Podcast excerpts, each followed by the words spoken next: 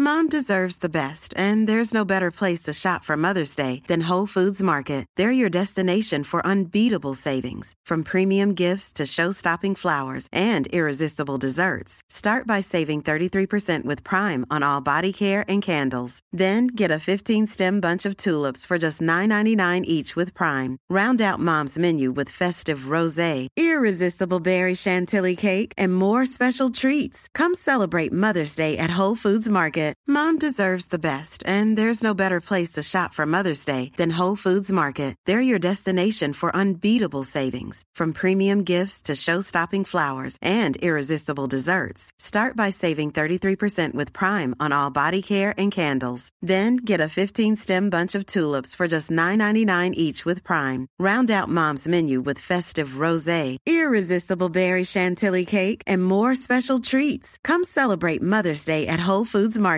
Burrow is a furniture company known for timeless design and thoughtful construction, and free shipping, and that extends to their outdoor collection.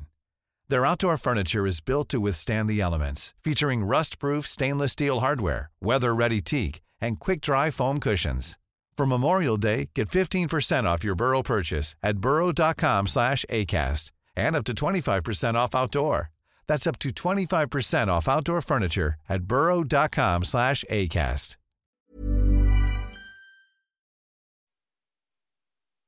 Drible vekk, drible vekk,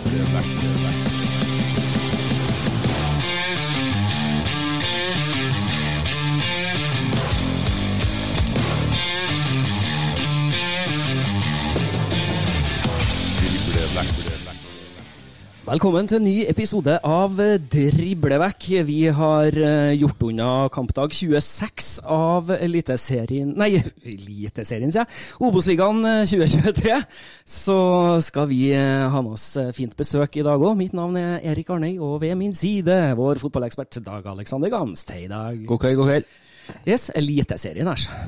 Ja, vi, vi, vi er nesten der, skulle du si. Vi har i hvert fall sendt et lag opp til Eliteserien i helga, så du er inne på noe, Arne. Ja, det er jeg så absolutt. Og det skal vi jo snakke mer om eh, neste mandag, faktisk. Det skal vi, det blir moro. Yes, det blir det. I dag så har vi med oss eh, en gjest fra, dessverre, den andre enden av eh, tabellen. Vi har med oss godeste Torbjørn Kallevåg fra Hødd. Velkommen til oss. Jo, tusen takk for det. Yes, det her er ikke en eliteseriepodkast, det er en Obos-ligapodkast. Det er nemlig det det er, Torbjørn. Og ja, vi går egentlig bare rett på sak. Utrolig nære med, med poeng hjemme mot KBK nå på, på lørdag i fylkesderbyet der, men det ender med et 1-0-tap helt på, på tampen. Hvor, hvor bittert var det å oppleve det?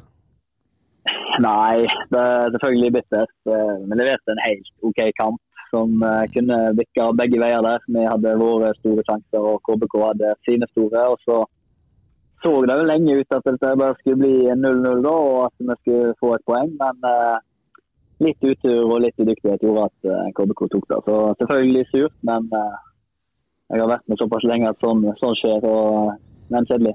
Ja, det er nettopp det du har, Torbjørn. Du har vært med på det her såpass lenge. og litt sånn at Det er jo noe med at når man taper tre poeng på, på, på overtid der mot, mot KBK, blir det sagt noe spesielt i, garderoben etter en sånn kamp, eller er det bare at man er stille, og så drar man til hvert, sitt etterpå? Nei, det er ofte når du taper en kamp, så kan det være folk litt forbanna og litt sånne ting. Men denne kampen her så presterte vi relativt greit, og da er folk egentlig bare litt sånn oppgitt, lei seg. eh, Syns litt synd på seg sjøl akkurat der og da. Og så, og så hadde vi jo en liten prat i garderoben etterpå da, at eh, vi kan ikke sitte her og være uh, synes synd på oss sjøl for lenge. Vi må opp og kjempe igjen. Vi har eh, fire kamper og alt å spille om fortsatt. så det er jo egentlig eh, ingenting, å, ingenting å ta for gitt uh, ennå. Hvordan syns du gruppa har respondert på, på praten her, da? Nei, jeg syns det er veldig bra. Eh, vi har jo en veldig, eh, en veldig urutinert gruppe da, som ikke har spilt så mye Obos-liga før, men eh, som begynner å få en del kamper på baken nå. og De ser jo da at eh, det er ikke bare bare å ta poeng i Obos-ligaen. Det, det krever sitt. og så, så vet vi da at vi kan slå hvem som helst med og Det er jo ikke noen motstander som skremmer oss nå på slutten. Selv om, selv om du skal møte Sogndal og Start og Raufoss og Ranheim, så vet vi at vi kan eh, ta, ta de fleste på, på en god dag. Så vi, vi er sterke i trua med. Ja, og noen av, av dem er dere jo helt, helt avhengig av å ta nå da, for å, å berge denne Obos-ligaplassen. Mm, det er vi. Eh, så jeg vil jo tro at vi må ha en seier og to for å holde oss, men eh, fullt mulig. Så vi, vi er klare for det. Veldig bra. Vi skal komme litt tilbake til nedrykksstrid og antall poeng dere må ha, og vice versa her. Men eh, litt mer eh, fokus på deg da, Torbjørn. Du er tilbake i Hødd din andre periode. Kan du fortelle litt om hva som fikk deg til å, å reise til Ulsteinvik igjen?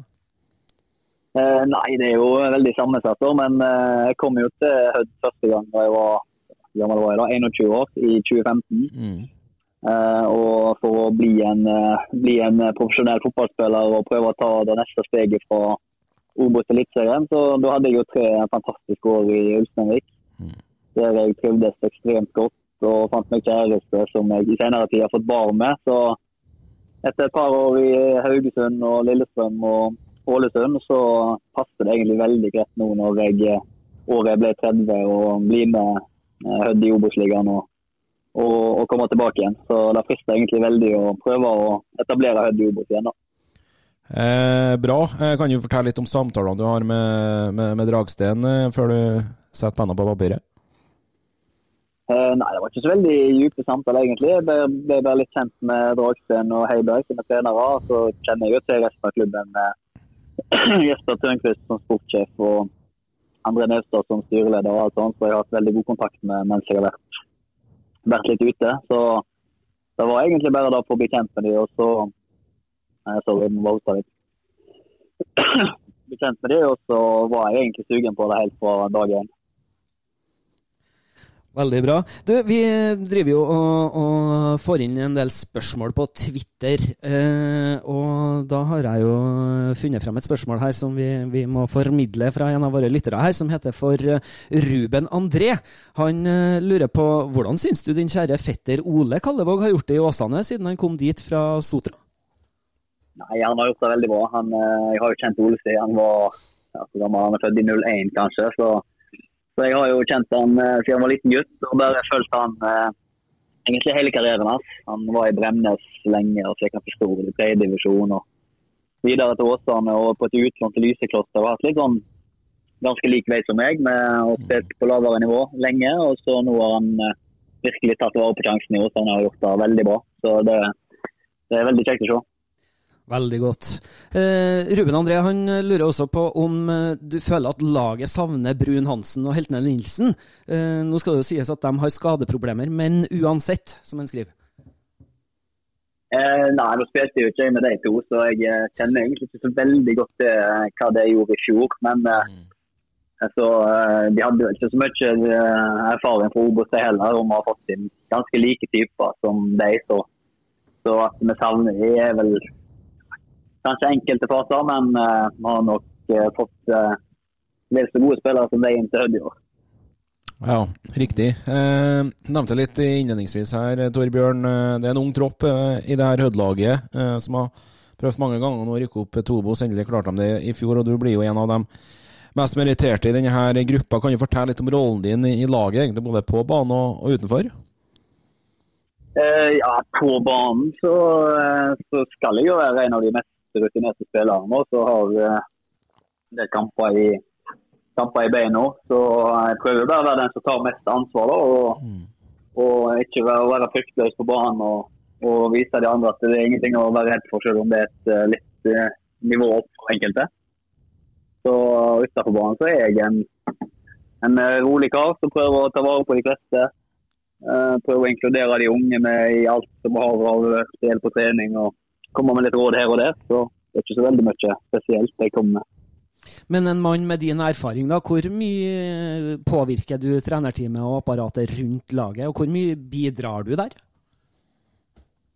Nei, jeg påvirker ikke så veldig mye faktisk. Jeg uh, har veldig, hatt veldig tro på fra dag én det vi har holdt på med, så jeg har egentlig ikke involvert meg veldig mye i det taktiske. Det går mer på uh, motstandere, om jeg vet noe om motstandere og litt sånne ting. Og så kommer jeg selvfølgelig med innspill her og der om hva jeg tenker om ting. Men eh, hele min karriere så har jeg egentlig hatt veldig tillit til alle trenere jeg har hatt. Og prøvd å, prøvd å være en så lojal fyr og lojal spiller som bare mulig. Det er nok kanskje en styrke jeg har hatt og gjort at jeg har spilt ganske mye òg. Så, så, jeg har eh, hatt veldig tillit til trenerne og, og det prosjektet og det taktiske valget det jeg har hatt i hele år. Eh, treneren deres da, for denne sesongen og for så vidt han som rykka opp med Hødd og Joakim Dragsten. Eh, hvordan eh, syns du han eh, leder det her eh, Hødd-laget i, i Obos? Nei, jeg syns han leder oss veldig fint. Han, han er en rolig og sindig, sindig kar med veldig tydelige tanker på hvordan han vil ha ting. Og, og veldig enkelt å forstå planene som han har. Så, så jeg har latt meg imponere over både han og Joakim i år. Nei, han og Ørjan i år. De har vært veldig flinke. og Det har noen stormer rundt oss i enkelte perioder med, med litt dårlige perioder her og der. Men de er to flinke karer som står, står støtt og har jo egentlig hele trenerkarrieren foran seg. Jeg tror de to kommer til å være gode trenere i, i lang tid framover. Eliteseriepotensial, eller? Ja, det vil jeg tro. Mm. Eh, ja, absolutt.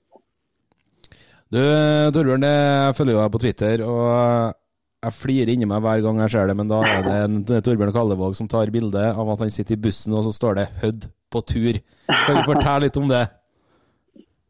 Nei, eh, Obos-ligaen er jo ikke veldig luksuriøs. Eh, vi sparer på pengene der vi kan spare. Og, og, det er jo en litt sånn artig hverdag. Eh, mange studerer, mange jobber. Busskamp, eh, lange turer om nettene hjem fra Sogndal. Vi hadde tre, tre bortekamper mot Sogndal i oppkjøringa. Oh.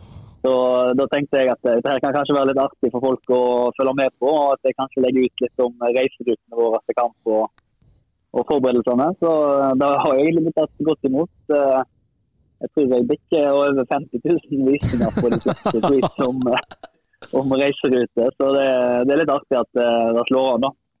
Ja, det er fantastisk moro. Du må i hvert fall bare fortsette med det. Det er rå, råkult. Men ja, da, ja, Hødd på tur, da. Kan du si litt om det? Hvor, hvor krevende er det å reise på bortekamp? Nei, altså sånn når du, jeg har spilt både i Haugesund, Varet Haugesund, Hødd og disse klubbene der. så Du er veldig vant med å ta buss langs, opp og ned langs kysten og inn i fjorder og alt. Så For meg er dette veldig krevende. Jeg er jo vant med det fra jeg var liten gutt. Altså. Helt fra jeg var Bremne-spiller og måtte inn til Odda i fire timer for å spille en guttekamp. liksom. Men uh, det er nok enkelte spillere som kommer fra andre land, og kanskje til og med bare fra Østlandet, som får litt uh, får litt sjokk over hvor kronglete veier det er inn og hvor mye buss det blir. Men uh, det er klart det optimale hadde nå vært å ha raskest mulig reiserute og mest behagelig. Men vi tar det for det. Og vi lager ikke så mye styr rundt det. Er det mange bortekamper dere har tatt fly på i år, da? Ja, vi har vel hatt fly på en fire-fem av bortekampene. Så vi busser oss til Mjøndalen, og vi busser til Sogndal, busser til Ranheim. Fly til Grimstad? Eh, vi fløy til Grimstad og har hatt en eh, fire-fem eh, flytur. Så det, da føler vi oss skikkelig proffe. Ja, det er veldig, veldig, veldig bra. Vi skal begynne å bevege oss litt inn på tabellsituasjonen, og det begynner å skal avgjøres etter hvert her nå, Torbjørn. Men det er, bare, det er ikke sikkert det er noe i det, men du nevner det jo, mange vet jo du har spilt i Haugesund og spilt i Ålesund, Lillestrøm eh, og flere klubber, men drakk nummer 14 både i Haugesund og Ålesund, er det noen spesiell grunn til det, eller er det tilfeldig? Uh, nei, det er egentlig litt tilfeldig. Jeg eh, kom jo til Hødd eh, første gang da jeg var rundt 21 år. Og da, og da, var det egentlig bare 14 som var ledig. Og så spurte jeg han som var trener eller assistenttrener den gangen, og min tidligere trener i VAD, Steinar Lein, som nå er i Rosenborg damer. Mm. 14 var et fint tall, sier jeg. Ja, 14 er fint tall, sier han. Johan Cruyff 14. Og da tenkte jeg, ja, da tar jeg, tar jeg 14. Så det var den har bare vært med litt sånn, litt sånn tilfeldig. Er ikke Åsken å bli sammenligna med han? Nei, da, Steinar har hatt, uh, tro på meg siden jeg var 14-15 år, han, så, så, han har hatt store tanker om meg. Ser ut som en Steinar og kan innkassere et seriegull oppe i Trøndelag nå? Ja, det håper jeg eh, så virkelig. De har vært veldig nærme disse damene der oppe nå. Så eh, jeg følger veldig med på Steinar og Rosenborg. Hvordan vil du beskrive han som trener, da? Uh, nei, det vil ikke legge skjul på at uh, han er min favorittrener. Da, så jeg er jo kanskje litt, uh, litt bias på akkurat den. Men jeg, jeg syns han er veldig flink. Faktisk veldig smart. har utvikla seg veldig med tanke på hvordan fotballen har uh, endra seg fra jeg hadde han for første gang som ja, 16-17-åring. Så han, han, er veldig i takt med moderne fotball. vet hvordan han skal få beste ut av lag. og jeg, eh, jeg, er ikke sjokkert over at han gjør det bra med damelaget til Rosenborg. Så jeg håper at jeg en dag kan få han som trener igjen, men jeg tror han trives veldig godt der han er nå. Er Steinar Lein da et navn eh, herrelaget til Rosenborg bør vurdere til neste sesong? Ja, jeg er uh, med den tanken jeg har slått meg ofte, at det er i hvert fall et navn som bør bli vurdert der oppe. For, for den måten han har tatt ut av damelaget opp på, og, og de planene han har, og den fotballen han står for, og den fotballen Trøndelag tror jeg krever, så tror jeg det ville passe som hånd i hanske. Så er det jo masse tilfeldigheter som spiller inn om han ville lykkes eller ikke, men jeg hadde hatt tro på det. Men etter Jeg må jo bare spørre, da. Etter gårsdagens Rosenborg-tap 2-5 Nei, 5-2, unnskyld. Ja, ja, det er rett. Eh, hvordan, tror du det er noen sjanse for at Svein Målen fortsetter som Rosenborg-trener? Jeg tviler jo veldig. Jeg, faktisk Rett før vi gikk på her, så så jeg disse tallene på antall skårer og antall innslupne. Og når antall skårere går så vidt opp og antall innslupne går drastisk opp, så tenker jeg jo at eh, oddsene er ganske dårlige for å få fortsette. Da. Så jeg, eh, jeg, tviler, selv om det er vel en god del eh, trøndere som ser, har den romantiske tanken om å få en trøndelagstrener til å virke, men jeg tviler på det blir mål. 17 innslupne på de fem siste bortekampene. Ja, det blir tøft å vinne fotballkamper da. Det, altså, jeg sa til Arne i sted for gikk på lufta, det er like mange mål som Fredrikstad har sluppet inn på 26 kamper i Obos. Ja, og Petter Myhre var vel inne på det i, i fotballkveld i går at uh, du skaper på en måte en usikkerhet i det offensive spillet når du vet at du kommer til å slippe inn en del mål. Så uh, det henger veldig sammen med det. Ja, ja. Så hvis dere bevarer plassen i Obos nå, så er jo Rosenborg teoretisk sett en mulig motstander i Obos-ligaen neste år? Ja, men uh, de blir vel redde av at det er såpass mange lag imellom dem. Så, så de holder til det. Sant. Vi må ta en liten tur tilbake på Twitter her, Torbjørn. Firelock mm. har eh, spurt hva har sesongens høydepunkt vært for deg? Hva har det vært for laget? Uh, nei, jeg tror nok det er egentlig bare høydepunktet er at de klarte opprykk i fjor om å få spilt i Obos i år. Vi har eh, slått Kongsvinger to ganger og vist at vi er et bra Obos-lag når vi er på vårt beste. Og så så Det er vel egentlig bare da jeg vil dra opp som et høydepunkt. og Personlig for meg så er det jo Du kjenner jo på det når du kommer tilbake til en klubb og, og skårer et mål her og der og, og bidrar da du kan for at vi skal klare oss. Så Jeg er egentlig veldig stolt over å være Høyre-spiller. Det har egentlig vært uh, mitt høydepunkt i år. Mm. Laget, da? Nei, laget så det er jo disse kampene med Kongsvinger så jeg er et høydepunkt for mange. Og hvis vi klarer å beholde plassen, så vil nok folk uh, vil folk se, se, tilbake på de kampene der vi virkelig har bedt for oss mot eh, god motstand. Så jeg vil, eh, jeg vil tro det er det. Mm. Failak har jo litt flere spørsmål her. Han, han, lurer på om du kan si noe om tankene man får når man får, uh, har spilt en såpass solid kamp mot KBK, og så får man et selvmål helt på slutten? Nei, det, det blir oppgitt, og så begynner du å tenke på hva skjedde i forkant av mål. hva noe vi kunne gjort? Eh, fra dem vi skulle hatt en corner eh, to minutter før, så dommeren ikke så keeperen på. Så blir du litt forbanna på den. Og så ser du dommerne gå forbi deg ut av banen når du står og sutrer, så slenger du med en kommentar der. Mm. Og, så det er så masse tanker som går gjennom. Men så prøver en å legge det vekk og se framover. Se at vi gjorde en OK kamp, og prøve å forbedre oss til neste. Det er, det er egentlig bare sånn jeg er skrudd sammen nå. Ja, veldig fornuftig. Eh, vi skal prøve å summere opp da de ja, eh, som en bolk, da, de 26 kampene det her ødelaget har spilt hittil i år, Torbjørn. Og hvis vi starter da fra, fra, seriestarten der, så var det vel ni poeng da på de fem første. Eh, så kom tapet i Kristiansand i, i runde seks mot start. Der er det sånn litt sånn typisk opprykkslag å få en sånn type start? Eh, ja, jeg tror, jeg, jeg tror, det ligger noe i det der. Altså, det er nok ikke en floskel. da. Det er masse energi. Motstanderlaget tar oss kanskje ikke helt på alvor. Eh, vi kommer opp med litt, uh, med litt ting som lag kanskje ikke er forberedt på. Med dette vanvittige kastet til Sundnes som skåra på i første kamp. Og, og en direkte spill og et kompakt forsvarsspill ganske lavt i banen, så folk sleit med. Så folk eh, brukte nok litt tid på å finne ut hvordan de skulle ta oss. og så, så, så, så, skjer det jo ting ut i en sesong som gjør at, at, det ikke er så enkelt. Lag analyserer hverandre. og Og, um, og den der entusiasmen dabber kanskje litt vekk. Men uh, starten er nok, uh, det er nok pga. den uh, biten der, ja. Jeg kommer på, Vi hadde besøk av Kåre Ingebrigtsen. Han var til oss søndagen før det var midtukekamp på Hødvoll. Og Da var han Mm. klar på det, Kåre, at vi må unngå å gi det her laget innkast i farlige posisjoner. Hva tenker du om at eh, det på en måte er et angrepsvåpen for dere?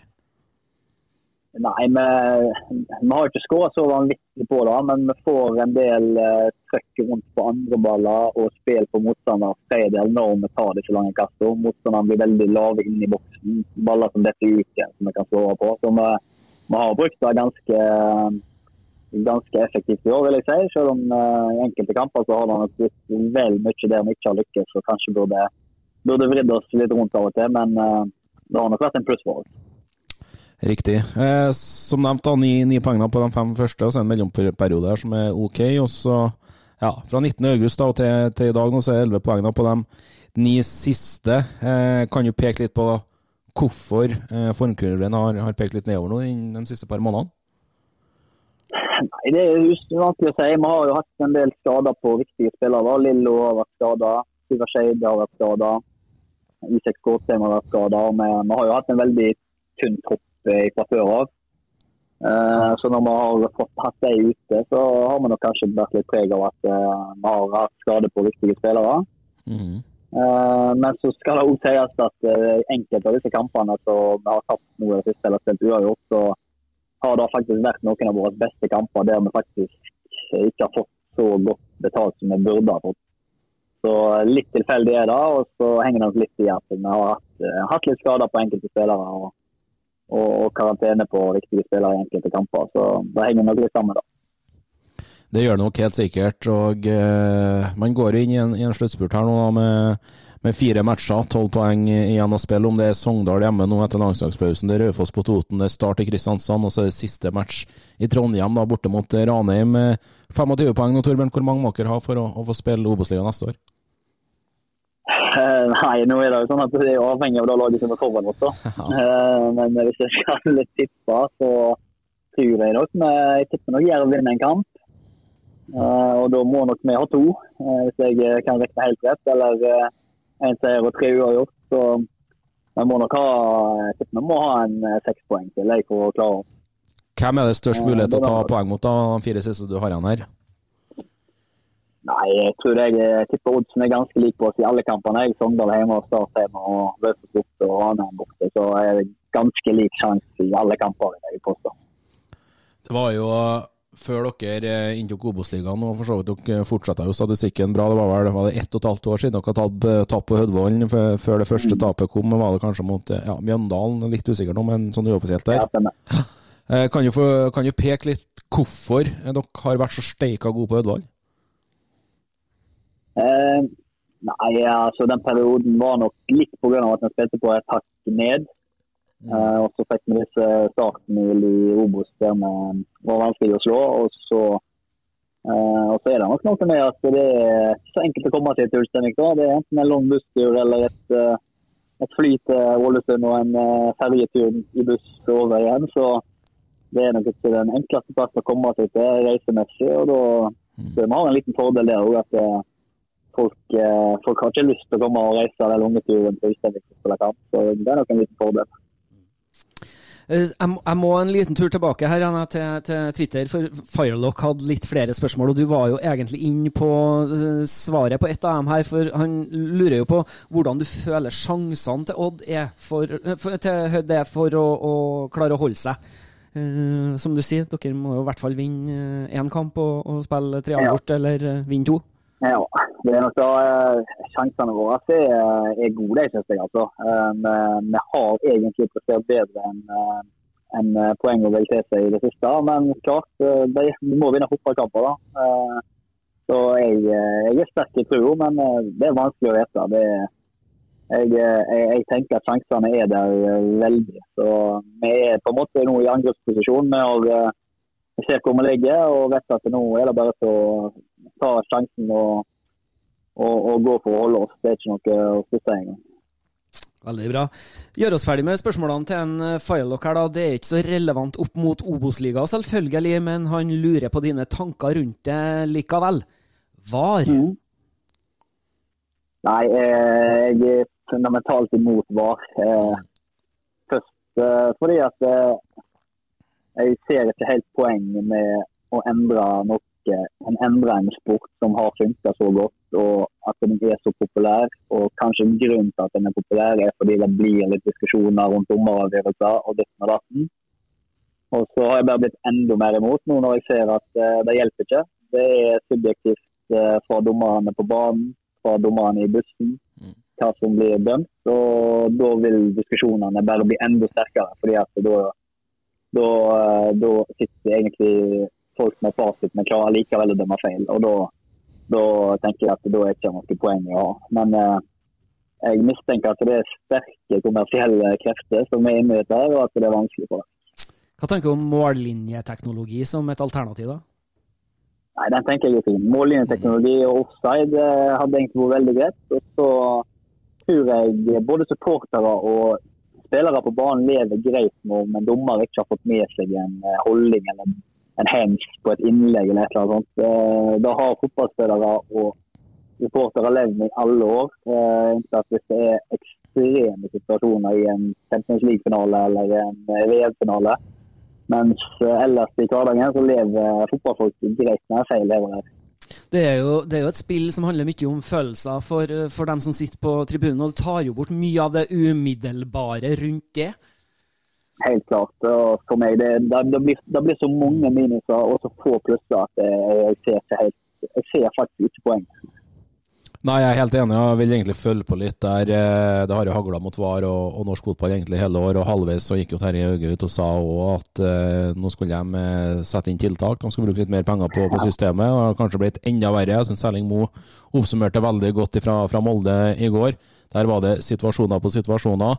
Det er kamera, det var en 13-kameraproduksjonsmatch i, i Molde i går. Enda klarer man å gjøre feil. Det er situasjonen i Sandefjord med, med Hansen eh, der òg, som egentlig Ja, jeg mener at det, det er så strengt, da. og eh, det, det, blir egentlig bare verre og verre, som du sier, Torbjørn. Så det, at denne ja. diskusjonen vil gå, det er ikke noe tvil om heller.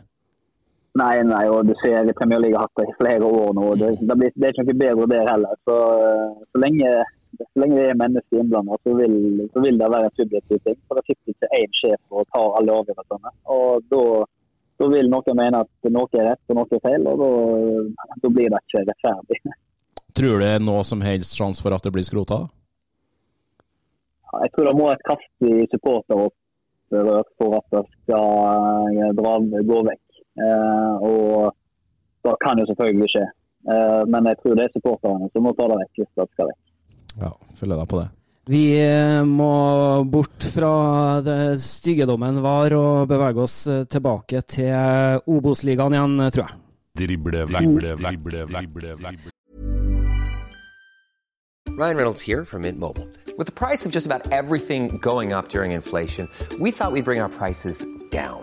So to help us, we brought in a reverse auctioneer, which is apparently a thing.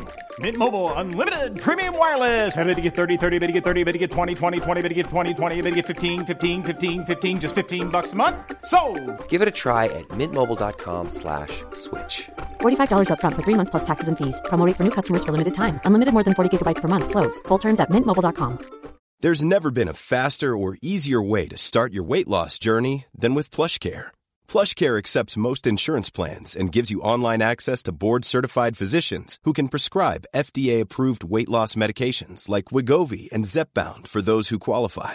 Take charge of your health and speak with a board-certified physician about a weight loss plan that's right for you. Get started today at plushcare.com slash weight loss. That's plushcare.com slash weight loss. plushcare.com slash weight loss. Burrow's furniture is built for the way you live.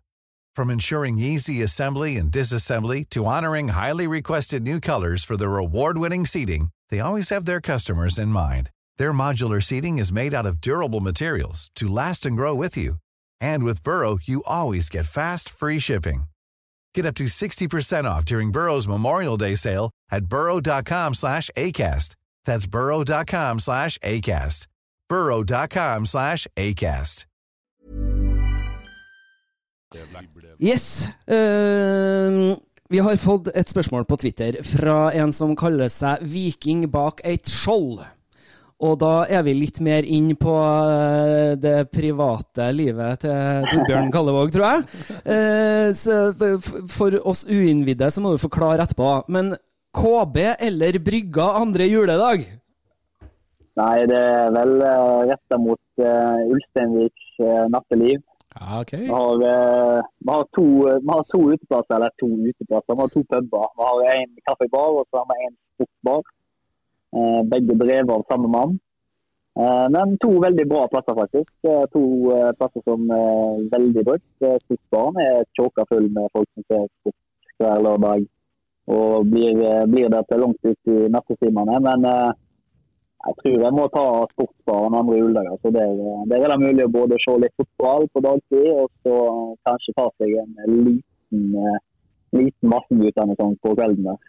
Sånn, Jeg ser jo at du, du har jo faktisk svart opp det på, på Twitter òg, og, og da har det jo kommet et tilsvar der med at uh, Viking bak et skjold han lover bort det, at han spanderer noen frekke varianter på fenderen om dere berger plassen. Ja han, eh, han er fin, han Viking bak i skjold. Det er jo eh, da Emil Mork han, og han, eh, han drar i hvis Hødbjørn var. Ja, det er fantastisk å, å høre. Eh, nå er det jo sånn at vi går inn i en landslagspause. Det er en ny runde igjen da til ja, vi er på den 21. oktober. Da det, det er en ny Obos-ligarunde. Hvordan eh, er planene for Hødd i denne landslagsperioden?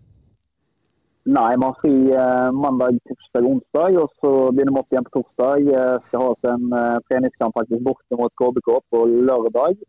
Ja. Uh, og så er det ei treningsuke neste uke for å forberede oss mot Sogndal. Så, så vi kjører på nå for å, for å, å klare dette her. Og så skal vi sikkert øve på litt, litt av hvert i treningskampen mot KBK på lørdag for å bli klar mot Sogndal. Hvem skal ta bussen? Hva sa du nå?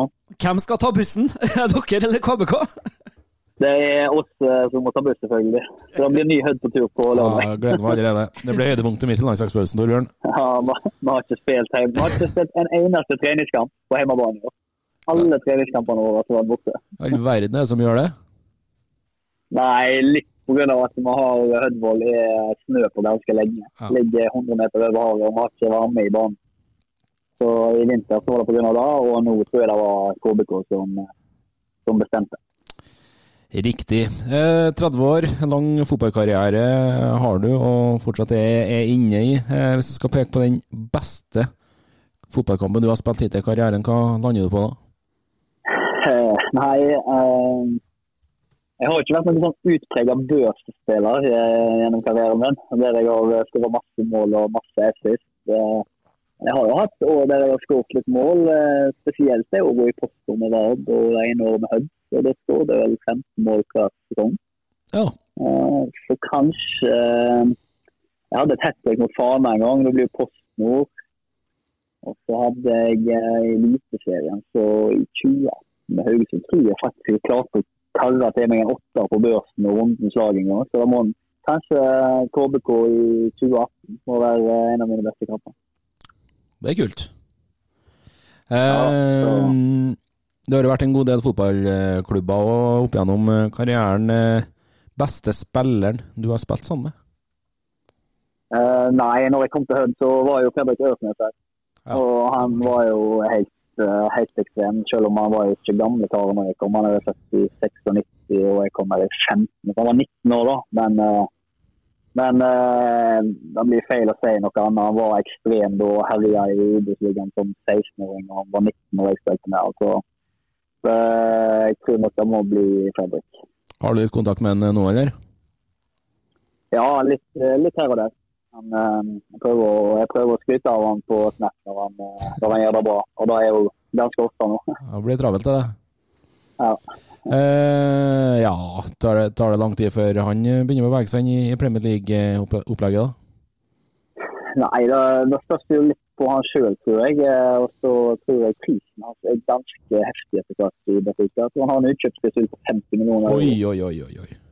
Så det er klart at skal en Premier League-klubb hente han, så begynner det å bli ganske dyrt. da. Han, eh, Mm. eh, og han er jo ikke, ja, han er ikke 20 år lenger, så jeg vet ikke, Han er jo i en av eh, verdens beste klubber nå, så jeg eh, tror det skal en litt spesiell klubb til for at han skal flytte seg over der.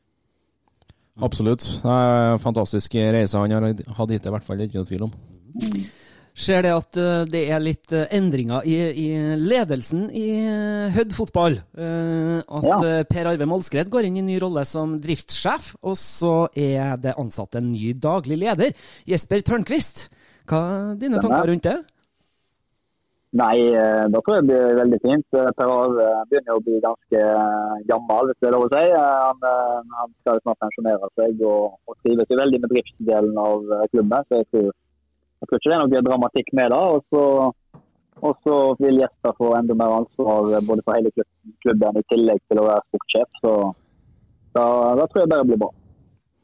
Så bra. Ehm, vi snakka om den beste spilleren du har, du har spilt med på, på lag. Det ble, var Øversnes. Hvem er den tøffeste spilleren du har møtt i en enkeltkamp? Eh, Så må jeg eh, Jeg har jo spilt mot Haaland da han var ung og den biten der, men jeg har jo spilt mot han sånn rent posisjonsmessig. Så eh, jeg har alltid Jeg hater å spille mot raske høyrebacker når jeg har spilt venstrekant. For eh, både å møte raske høyrebekker, og du skal være en kanskje la oss si defensivt, og du skal forsvare deg, og du må springe ned og ned og ned og følge etter en høyreback eh, sånn. Mm. Det har jeg alltid hata. Så jeg tror det må bli en av disse raske høyrebackene. Bruce Bangomo Ja. eh, i Jerv-tida si og i Sandefjord-tida si. Det han jeg jeg hate å spille mot. Håvard. var kommer komme forbi, og så var du dødsliten på vei hjem fordi at han eh, gikk på løp, gikk på løp, og du sprang etter ham. Det er tunge kamper å spille. eh, det er tunge kamper å spille. Så rent sånn eh, posisjonsmessig så tror jeg det må bli han, kanskje. Ja, jeg følger deg på den. Bris er bra. Han er veldig god. Liten tur tilbake til Twitter igjen, da, vet du. Eh, Jan Erik Ja. Han eh, Han er Moss-supporter. Han er Moss-supporter. Han Ja. eh, lurer på hva du syns om eh, dekninga av Obos-ligaen fra rettighetshaveren, og så slenger han på et lykke til med innspurten av sesongen. Eh, nei, eh, jeg var ute på Twitter eh, forrige uke og var litt sånn halvkate der. For jeg synes dekninga, Mm. spesielt den sendinga der, var veldig dårlig. Jeg syns de har vist litt lite mål i fotballkveldene. her. De Kanskje ikke hatt så masse intervju og alt sånt, men eh, oppbygging rundt kampene og intervju før kampene og alt sånt syns jeg har vært eh, veldig greit. Og så har jeg ikke fått fulgt så mye med på disse Obos, eh, Obos direkte nå som før, men da jeg har sett av det òg, syns jeg har vært litt ned. Så kan være at jeg hadde litt høye forventninger når TV 2 tok over. For jeg det jobber veldig mye flinke folk der, og de, og de har ganske sterke kanaler der de kan nå ut til mye folk. Så det kan være det forventningene som har tatt meg litt. Fikk du noen respons på den tweeten fra, fra folk i redaksjonen? her? Nei, det har jeg ikke gjort faktisk. Men jeg noterte meg jo nå eh, i går at dekninga var bedre. Da hjalp det. Hva, hva, er du, hva er det du ønsker deg mer av for å, å få til god nok dekning av eh, Obos-ligaene? Nei, det, det er jo kanskje litt mer dybdeintervju med, med klubbene, da, med folk i klubbene. Ting som skjer rundt. Det det er ganske masse som skjer i Obos-klubber hvis eh, hvis en følger litt med.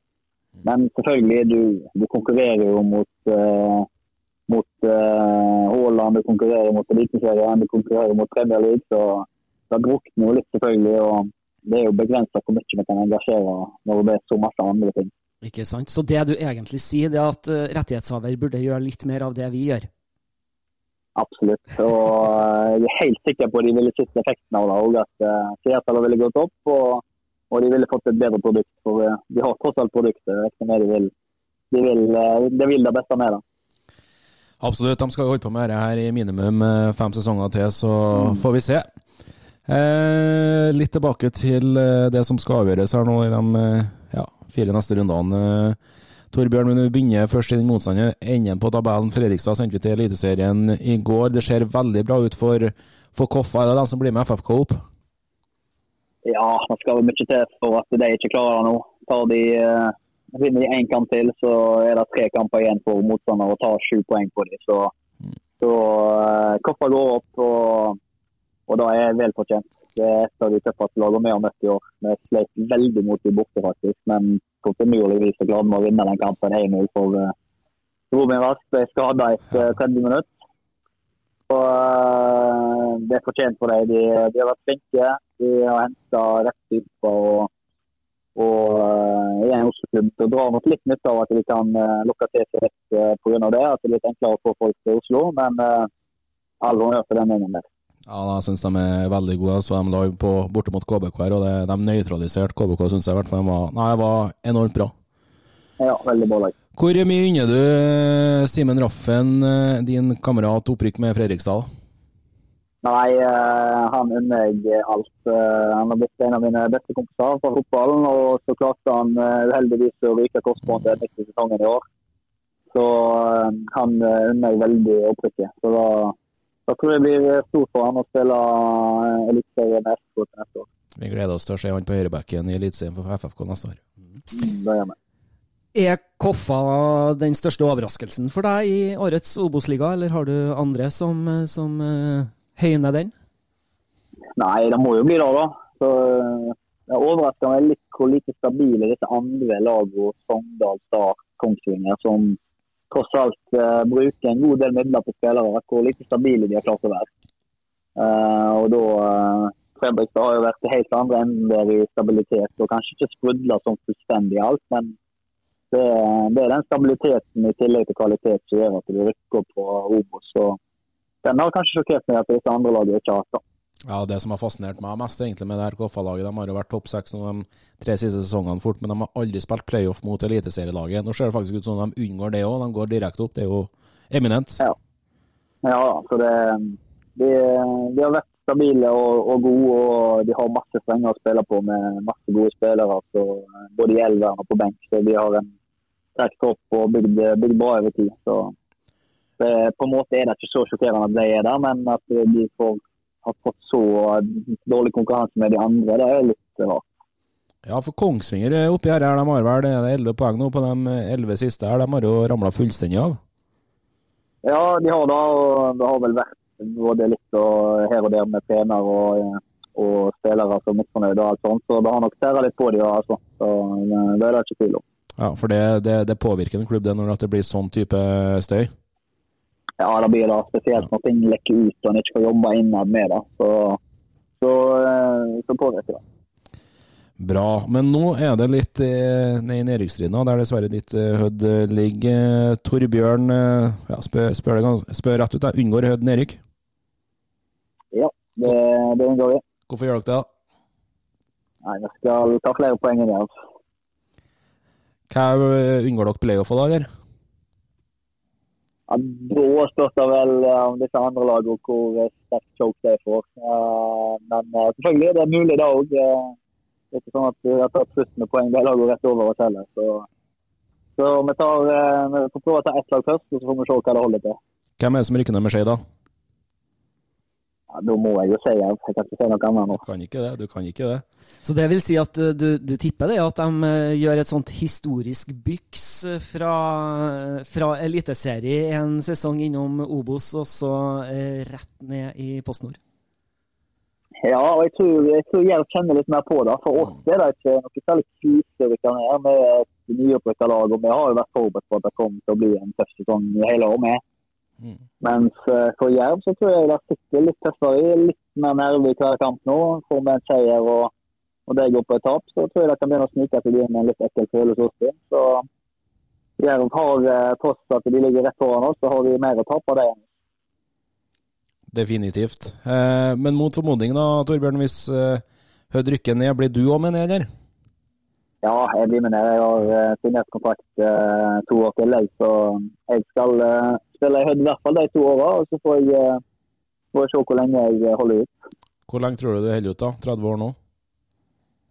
Ja, Jeg tror jeg skal klare å holde ut ganske lenge. Så lenge jeg syns det er kjekt og, og givende. Og, og det passer med familieliv og jobbliv og den biten der. Så, så tror jeg jeg skal spille ganske lenge. og jeg slo ganske sent gjennom og var ganske mm. sent utvikla, så jeg tror jeg har ganske mange år igjen i kroppen. Altså, jeg har ikke hatt noen alvorlige skader. Mm. Har du en sånn trenerspire i deg òg, eller? Ja, jeg har jo egentlig det. Så, men jeg tror kanskje vel så mye at jeg kan trives som en spillerutvikler eller jobbe med ungdomsfotball eller et eller annet sånt. Eh, og så får jeg se hva ambisjoner jeg har som trener Men hvert.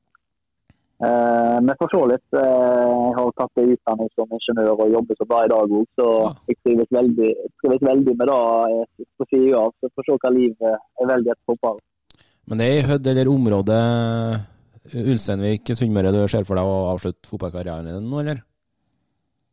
Ja, det blir det. Jeg har såpass fin hverdag her nå med, med, en fin familie. og ei jente på vei om eh, 25 dager. Så i tillegg til han jeg har, og takk for det. Så, I tillegg til han jeg har og en bonusgutt og alt sånt, så eh, det blir nok, da det blir nok eh, her jeg avslutter, med mindre det skjer noe veldig spesielt. Det høres ut som det blir en veldig veldig spennende høst for Torbjørn Kallevåg. Ja, det blir det. Både for meg og resten av gjengen her i, her i Ulsteinvik. Vi, vi, vi går på det med godt mot og skal prøve å være så fryktløse som vi kan. Fantastisk. Da eh, er det på tide for oss å si tusen hjertelig takk, Torbjørn, for at du tok deg tid til å være med oss her i dag. Det setter vi veldig, veldig stor pris på. Ja, nei, det var eh, veldig hyggelig å bli invitert. og Kjekt å, kjekt å prate litt om eh, fotball og om, om Obos. Det var veldig gøy. Vi krysser fingrene og alt det vi har, vi, for at eh, vi skal kunne invitere deg tilbake i vår Obos-liga-podkast neste år igjen, med Hødd som Obos-lag. Og så gjenstår det bare å ønske deg riktig lykke til utover høsten, med både fotballen, med familieforøkelse og alt det som, som hører med. Og tusen hjertelig takk for at du tok deg tid. Takk for det. Ha det godt. Ha det. Ha det. Hei da. Drible vekk, drible vekk, drible vekk, drible vekk.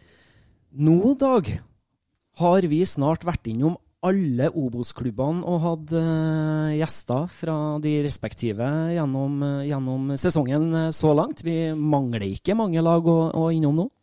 Nei, vi gjør ikke det. Og det var jo egentlig litt det som var meninga med det her uh, prosjektet. Podkasten dribler vekk. Uh, vi jobber jo kontinuerlig vi med, med å få med oss dem vi vil ha med oss. Og så handler det jo litt om timing, og folk flest vet jo hvem eventuelt ikke vi har hatt besøk av ennå. Men eh, vi jobber med det. Vi må komme på at det er fire runder igjen. Det er en playoff som skal gjennomføres her med lag fra tre til seks. Så vi, vi, vi har tenkt å holde det gående, nå. Det har vi så absolutt. Vi må jo bevege oss en liten runde innom eh, den 26. runden av Obos-ligaen. Vi har jo snakka litt om den matchen som ble spilt eh, mellom Hødd og KBK, der eh, KBK trakk det lengste strået og tok med seg en 1-0-seier på bortebane. Men hvis vi tar for oss de andre lørdagskampene sånn aller kjappest, så hadde Raufoss besøk av Mjøndalen. Det endte målløst. Ja, eh, sterkt poeng fra Mjøndalen, eh, og et veldig veldig viktig poeng for dem. Eh, var, vi hadde jo eh, Raufoss som eh, favoritter på, på Toten, men eh, Mjøndalen ligger nede i sumpa. der. Nå har de klatra opp da på, på 30 poeng. Jeg tror fortsatt ikke det er nok for å berge plassen i Obos, i hvert fall kanskje med tanke på playoff med, med 30. Men et usedvanlig viktig poeng for Mjøndalen og, og Kevin Nicol nå, som har eh, tatt poeng i de to siste. Så får vi se da om de òg angriper landslagspause angriper like bra etter eh, landslagspausen og en tøff match der da som venter hjemme mot Start. er det vel det. Yes. 0-0 altså på Nammo mellom Raufoss og Mjøndalen. Og så har vi et Skeid-lag, da, som begynner å vinne fotballkamper nå. Det er litt sent. Litt i seneste Det laget. er litt sent, men de banka jo Sandnes Ulf da, hele 3-0 på Nordre Åsen. Fine mål var det òg.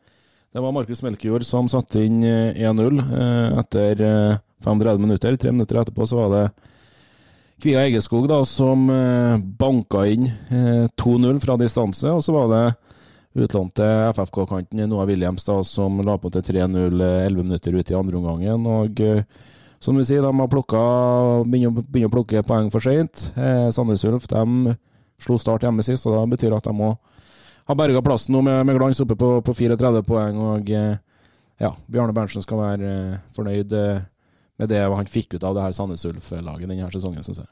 Det må jo være en god følelse for Skeid også også kunne ta en sånn 3-0-seier på, på hjemmebane på tampen her nå, selv om løpet er kjørt. Ja, helt klart. De eh, har eh, innfunnet seg med at de har rykka ned til Post Nord-ligaen, og de har begynt å tenke på neste sesong hvordan de skal komme fortest mulig opp, og da er det ingenting som er mer deilig å, å banke Sandnes Ulf 3-0 hjemme. De holder nullen, og det er absolutt veldig mye for Skeid å, å ta med seg fra denne kampen. Så får vi se hvem som trener Skeid neste år. da. Det er jo sånn at Arne Erlandsen er på kontrakt ut denne sesongen. eh, Etter at han ble henta inn fra, fra Kikalden, etter at Gard Holme da valgte å avslutte samarbeidet med, med Skeid, så får vi se da hvordan eh, det blir på trenerskia i, i Skeid neste sesong. Det vil vise seg. Vi beveger oss videre vi til Sogndal, som hadde besøk av Moss. Og der endte jeg med en 2-1-seier til Sogndal. Ja, men det var så vidt òg. Et Sogndal-lag som er i veldig, veldig variabel eh, form, da. Eh, men de vant til slutt eh, 2-1. De tok ledelsen riktignok uh, 1-0 da ved, Jønsson. Alle tre skåringene kom i andre omgang. Så var det Claudio Braga da, som fortsatte å skåre mål for Moss, som utligna. Moss var bra. De var veldig bra på, uh, på Fosshagen campus.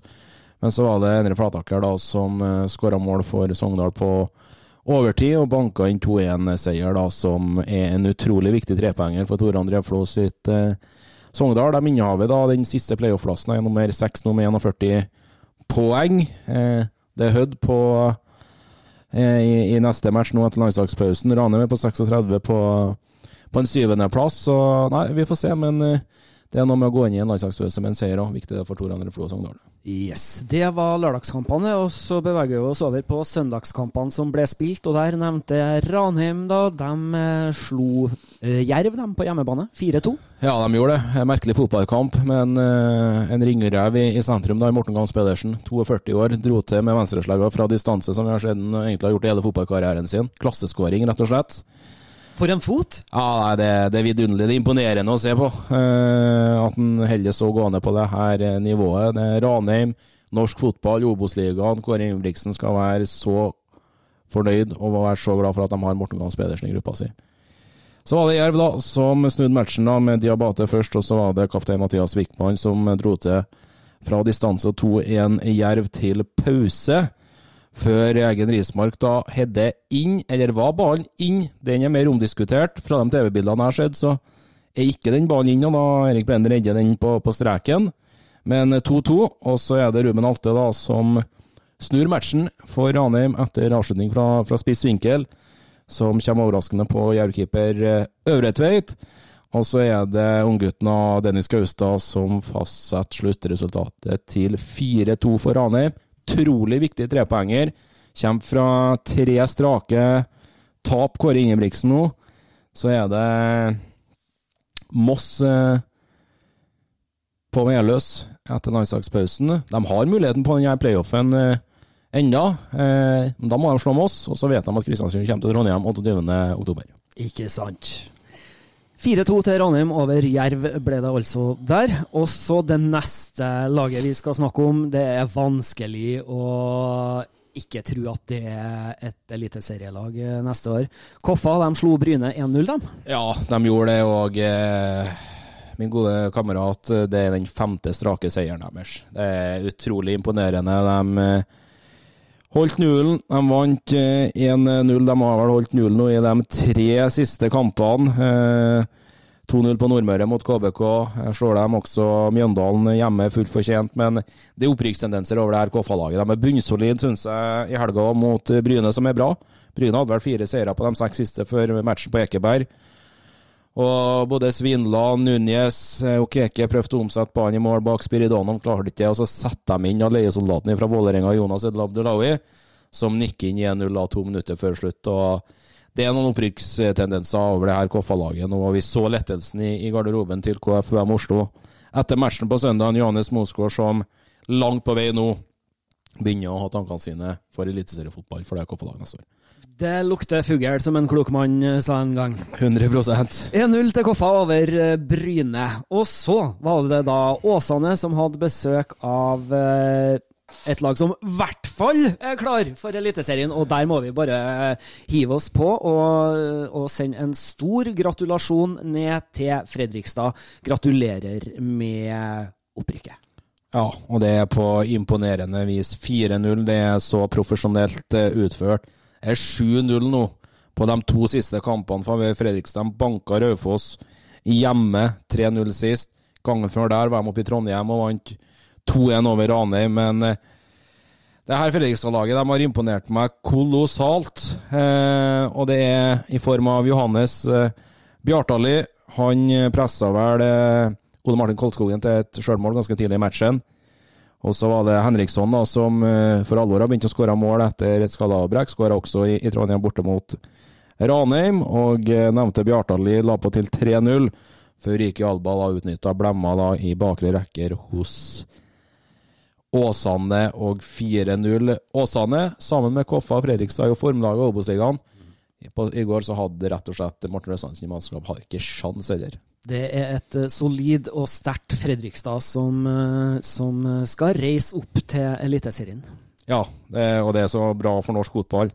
Det er en idrettsby, Fredrikstad, og hjemmearenaen deres er 12 000-13 000. Og det er 11 år siden sist de var der nå, og det Michael Thomassen har kommet inn og gjort fra dag én i denne gruppa. Det er imponerende. Det er flere rett og slett som må, må se på dem som snakker om at det tar lang tid å bygge et lag. Vi må bruke flere år, bruke flere, flere sesonger. Michael Thomassen og Fredrikstad viste at det ikke er nødvendig. Han klarte klart det på én sesong. Mer eller mindre komponert et helt nytt lag. Nytt ny, ny formasjon, nytt system. Truffet med signeringer og jobba steinhardt på treningsfeltet. Jobba steinhardt utenfor banen. Det er bare å gratulere. Det er det så absolutt. Eh, og i den forbindelse så kan jo vi med det samme røpe, eh, Dag Aleksander, at eh, neste mandag så har vi besøk fra Plankebyen i Driblevekk, og det gleder vi oss stort til. Ja, det blir, det blir fint. Vi prøvde å få tak i Michael Thomassen. Ble litt vanskelig i landslagspausen, men Joakim Heier stiller opp. Det, det blir artig. Jeg har vært i denne klubben i så mange år og vært med på hele denne reisen, så det, det blir artig å høre, at, høre hvordan han summerer opp denne fantastiske sesongen for Fredrikstad. Det skjer altså neste mandag i Driblevekk, og det, det gleder vi oss til. Og det håper vi dere lytterne også gjør. Da gjenstår det en kamp fra runde 26, og det var Start som hadde besøk av Kongsvinger. og når jeg kikka på den på TV-en, så sto det 0-1 til Kongsvinger, og så snudde jeg meg bort et øyeblikk, og så plutselig så var Start oppe i ledelsen 2-1. Ja, de var det, og det var det Mathias Grunnekjern som var årsaken til at eh, også sluttresultatet ble. Vi var inne på det når vi snakka med Torbjørn Kalvåg her i sted, et Kongsvinger-lag som er i ufattelig dårlig form. Og det er litt årsaken av at det er mye dritt som preger dem rundt klubben òg. Litt eh, misnøye med, med Vegard Hansen, og det er aldri særlig heldig i en sluttspurt. Tolv poeng da på de siste elleve matchene, fem på de siste seks. Det er ikke noe den formen skal komme når eh, ting skal avgjøres, men de tok riktignok eh, ledelsen, da ved Elias Myrlild, som er på lån fra, fra Brann, som sendte uh, Kiel i, i ledelsen. og De leder vel 1-0 til pause også. De måtte jo klare seg uten August Strømberg i, mål etter rødkortet mot Bryne sist. og Det samme fikk eh, kaptein Lars Gerson. De var ute. Men så var det nevnte Mathias Grønnekjern som snudde matchen for start på, på tre minutter. og eh, Start vinner 2-1. Eh, Fjerdeplass. Ett poeng bak eh, Kongsvinger, og det er jo noe med å få denne tredjeplassen òg. Da trenger bare å spille en match i, i playoffen før du eventuelt må møte eliteserielaget. Så det Nei, eh, Start eh, de tapte poeng der de egentlig skulle ha vunnet, mot Sandnes Ulf og Moss. Og så tar de tre mot Kongsvinger, som kanskje er den tøffeste de har igjen, sammen med Koffa i Kristiansand siste runde. Så nei, Startlaget har vi aldri klart å plassere denne sesongen. nå. En startseier der 2-1 over Kongsvinger også, som eh, gjør det ekstra spennende i denne innspurten av Obos-ligaen eh, 2023. Da ser faktisk tabellen eh, sånn ut at eh, på eh, tronende på førsteplass og eliteserieklar før de fire siste rundene, så ligger Fredrikstad med 57 poeng. Og på andreplass Koffa med 50 poeng. Imponerende. Tredjeplass per i dag Kongsvinger med 43. Start på fjerdeplass med 42. KBK på femte med 41. Det samme har Sogndal på 41 poeng. Og så da, som vi har snakka om i den andre enden av tabellen, så er det heller enda ikke avgjort. Tolvteplass ligger Åsane med 30. Trettendeplass Mjøndalen med 30. 14. ligger Jerv med 27. 15. Hødd med 25, og 16.-plass Shade med 14 poeng, da. Ja, det er sånn det står eh, svart på hvitt, og så eh, får vi se da om det her Hødd-laget klarer å legge press på, på Jerv. da. Det er to poeng opp til Kjønnes sitt eh, mannskap. Jerv har Kongsvinger hjemme i Grimstad, mens Hødd har Sogndal borte i Saftbygda. Starter der, så får vi telle opp. Jeg tror Bjøndalen begynner å nærme seg sikker. Åsane er på, på 30 poeng. De skal møte KBK på, på, på Nordmøre. Eh, Shiri som ikke har vunnet som KBK-trener hjemme ennå, så får vi se.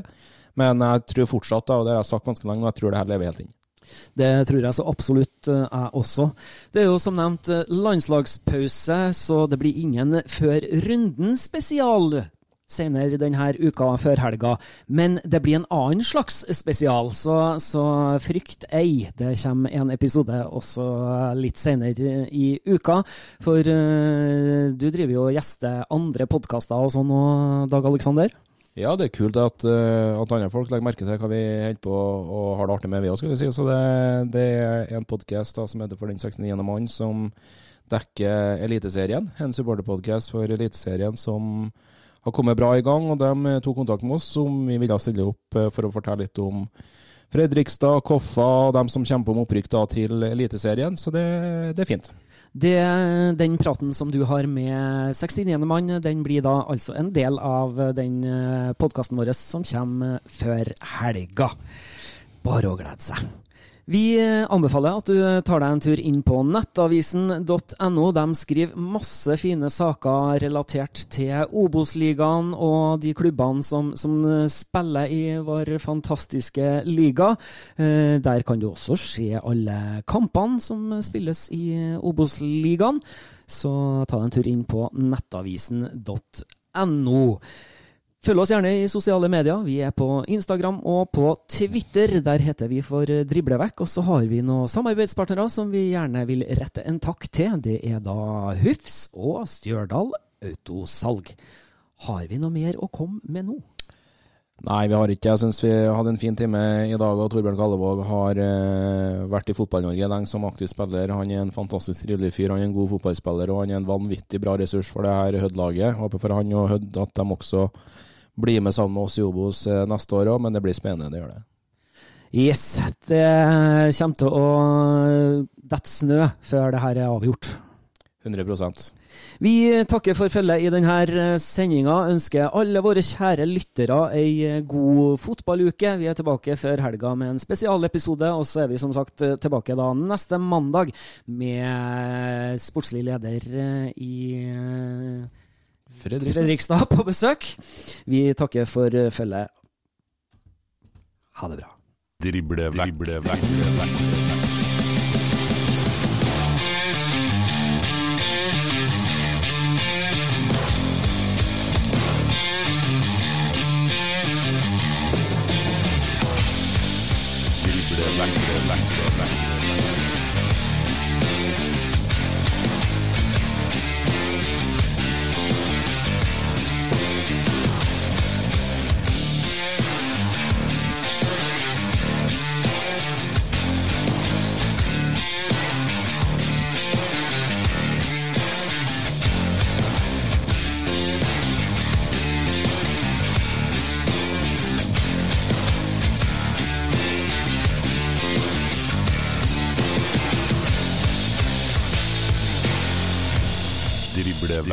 Drible drible drible vekk, drible drible